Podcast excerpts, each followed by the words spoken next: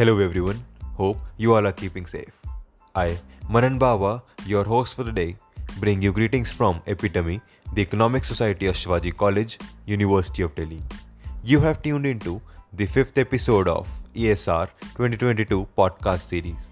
This episode revolves around the issue of increase in inflation and prices in the economy.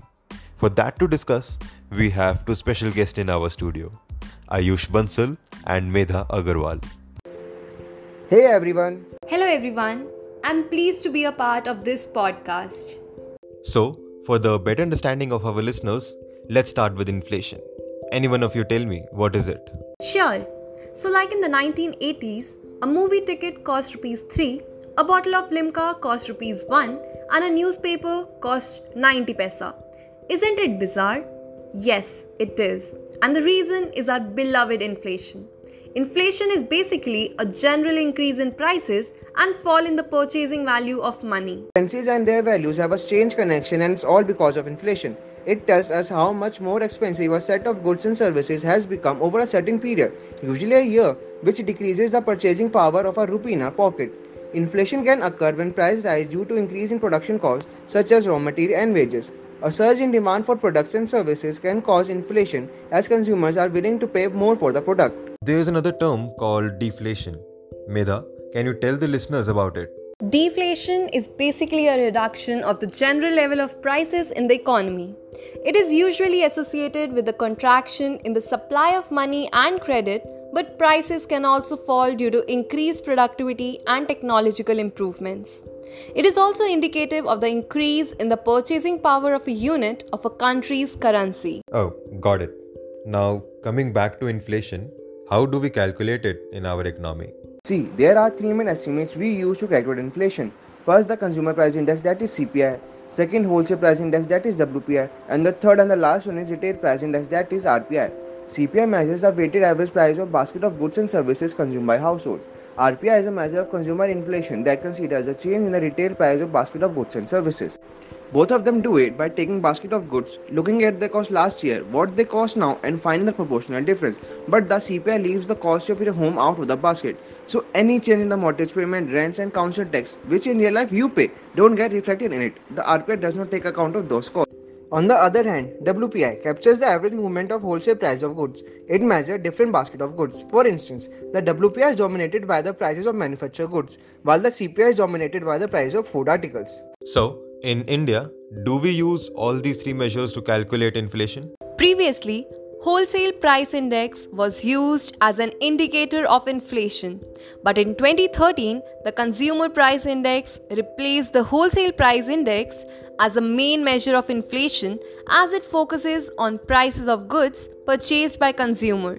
As a result, Consumer Price Index provides more clarity about inflation and its effect on the overall economy. Then, Ayush, what is the impact of inflation on our economy? An overall rise in price over time reduces the purchasing power of consumers since a fixed amount of money will afford progressively less consumption. Consumers lose purchasing power whether inflation is running at 2% or at 4%, they just lose it twice as fast at the higher rate. Compounding will ensure that the overall price level will increase more than twice as much over the long run if long run inflation were to double. Moreover, lower income consumer will more adversely affected than the higher income people as their MPC, that is marginal propensity to consume, is more than the higher income people. Can inflation be good for the economy too? Surprisingly, yes. Inflation makes consumer expect prices to continue rising. When prices are going up, people want to buy now rather than pay later. This increases demand in the short run. As a result, stores sell more and factories produce more now. They are more likely to hire new workers to meet demand. It creates a virtuous cycle, boosting economic growth. Also, inflation removes the risk of deflation. When there is a deflation in the economy, people wait to see if prices will drop more before buying. It cuts back demand and businesses reduce their inventory. As a result, factories produce less and lay off workers. Unemployment rises, leading to wage deflation. Workers have less money to spend, which reduces demand even more. Businesses lower their prices, and in this way, deflation can be worse off than inflation. Right. So, controlled inflation is good for a country's economic growth. Thanks for this great explanation, you both. Now, Medha, how much inflation has raised in the economy? According to the Ministry of Statistics and Program Implementation, consumer price index in India increased to 170.110 points in April from 167.70 points in March of 2022. Global inflation has increased from 0.7% in 2020 to around 3.1% in 2021 and domestic consumer price index slightly above 6%. This is due to supply chain disruptions caused by COVID-19 restrictions, lockdowns and night curfews moderated during the current financial year. Can you throw some light on domestic inflation in the recent years? In 2020 and 2021, retail inflation measured by consumer price index combined, inflation was slightly above 6% owing to supply chain disruptions and high food inflation caused by COVID 19 restrictions. But in 2021 2022, retail inflation stood at 5.2% owing to the proactive steps taken by the government for effective supply management. Wholesale inflation, based on wholesale price index, after remaining benign during the previous financial years, saw a sharp uptick during 2021 and 2022 and was 12.5%. Okay, but what has driven retail inflation and why so? During 2021 to 2022, the major drivers of retail inflation have been miscellaneous and the fuel and the light group. Fuel and light consist mainly of items produced by households to meet their domestic fuel needs, excluding that for convenience such as electricity, LPG, kerosene, and other fuels used for cooking. On the other hand, petroleum and diesel used for vehicles is included in the transport and communication subgroup of the miscellaneous group. Inflation in fuel and light and transport and communication was mostly driven by high international crude oil, petroleum product prices, and higher taxes. With high international crude oil prices, as you mentioned, Ayush, tell us a bit about OPEC. Yes, so OPEC, the Organization of the Petroleum Exporting Countries, is an intergovernmental organization consisting of 13 member countries that produce about 40% of the world crude oil and owns 50% of the global oil supplies. Also, about 75% of crude oil reserves were held by the OPEC countries in 2019. Because member countries hold the vast majority of crude oil reserves, as a cartel, OPEC members have a strong incentive to keep oil prices as high as possible while maintaining their share in the global market. Now, History tells us whenever supply and demand of oil have been in tandem, global economy has reeled under the devastating effect of high prices. After the COVID-19 outbreak, the price of oil crashed under $20 per barrel, but within 24 months, when the economy saw a V-shaped recovery, the price of oil went to all-time high to $120 per barrel with a 500% inflation rate and taxes. Can you tell some of the measures taken by the government to mitigate the rise in the prices of essential commodities? To ensure effective intervention during price rise, through utilization of buffer stocks, the government has procured pulses in 2020 and 2021 from farmers and farmers producers organizations. To soften the prices of edible oils, the duty on edible oil has been reduced with effect from 14th October 2021. Futures trading in mustard oil on NCDEX has been suspended and stock limits have been imposed. The Department of Food and Public Distribution has imposed stock limits on edible oils and oilseeds for a period up to 31st March 2022. The government is also taking steps to improve the production of secondary edible oils, especially rice bran oil, to reduce the import dependence. That's a great step.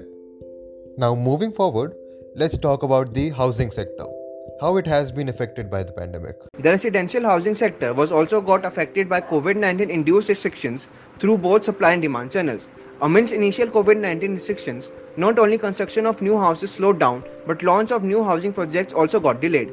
With the loss of income, uncertainty about the future income, and stay-at-home orders, home buyers too delayed their housing purchases. After the initial COVID 19 induced restrictions were removed, transactions in housing properties increased significantly, possibly because of pent up demand and improvement in affordability in response to measures taken by government during the pandemic, such as lower interest rate, reduction in circle rates, and cut in stamp duties that made houses affordable to buyers.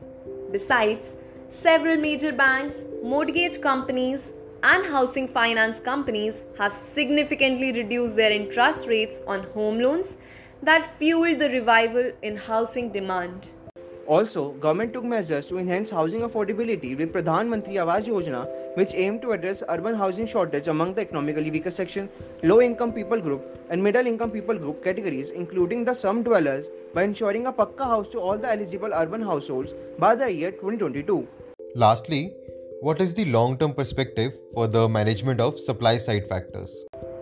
Given the importance of supply side factors in having a predominance in the determination of inflation in India, long term policies are likely to help.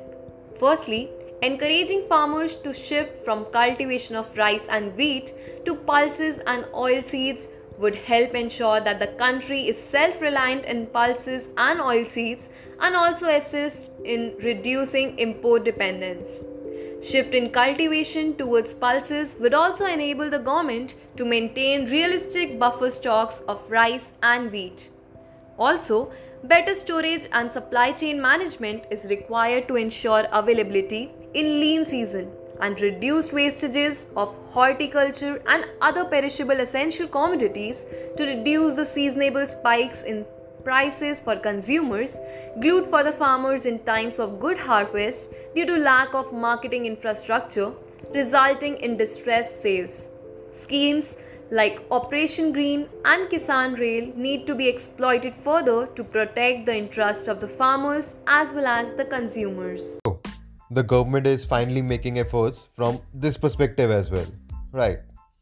With this, I would like to thank both of our speakers for discussing the price and inflation with ease with us. This was indeed very insightful. I hope our listeners gained something valuable from the discussion today. Thank you, everyone. Stay safe. This is your host, Manan Bawa, signing off.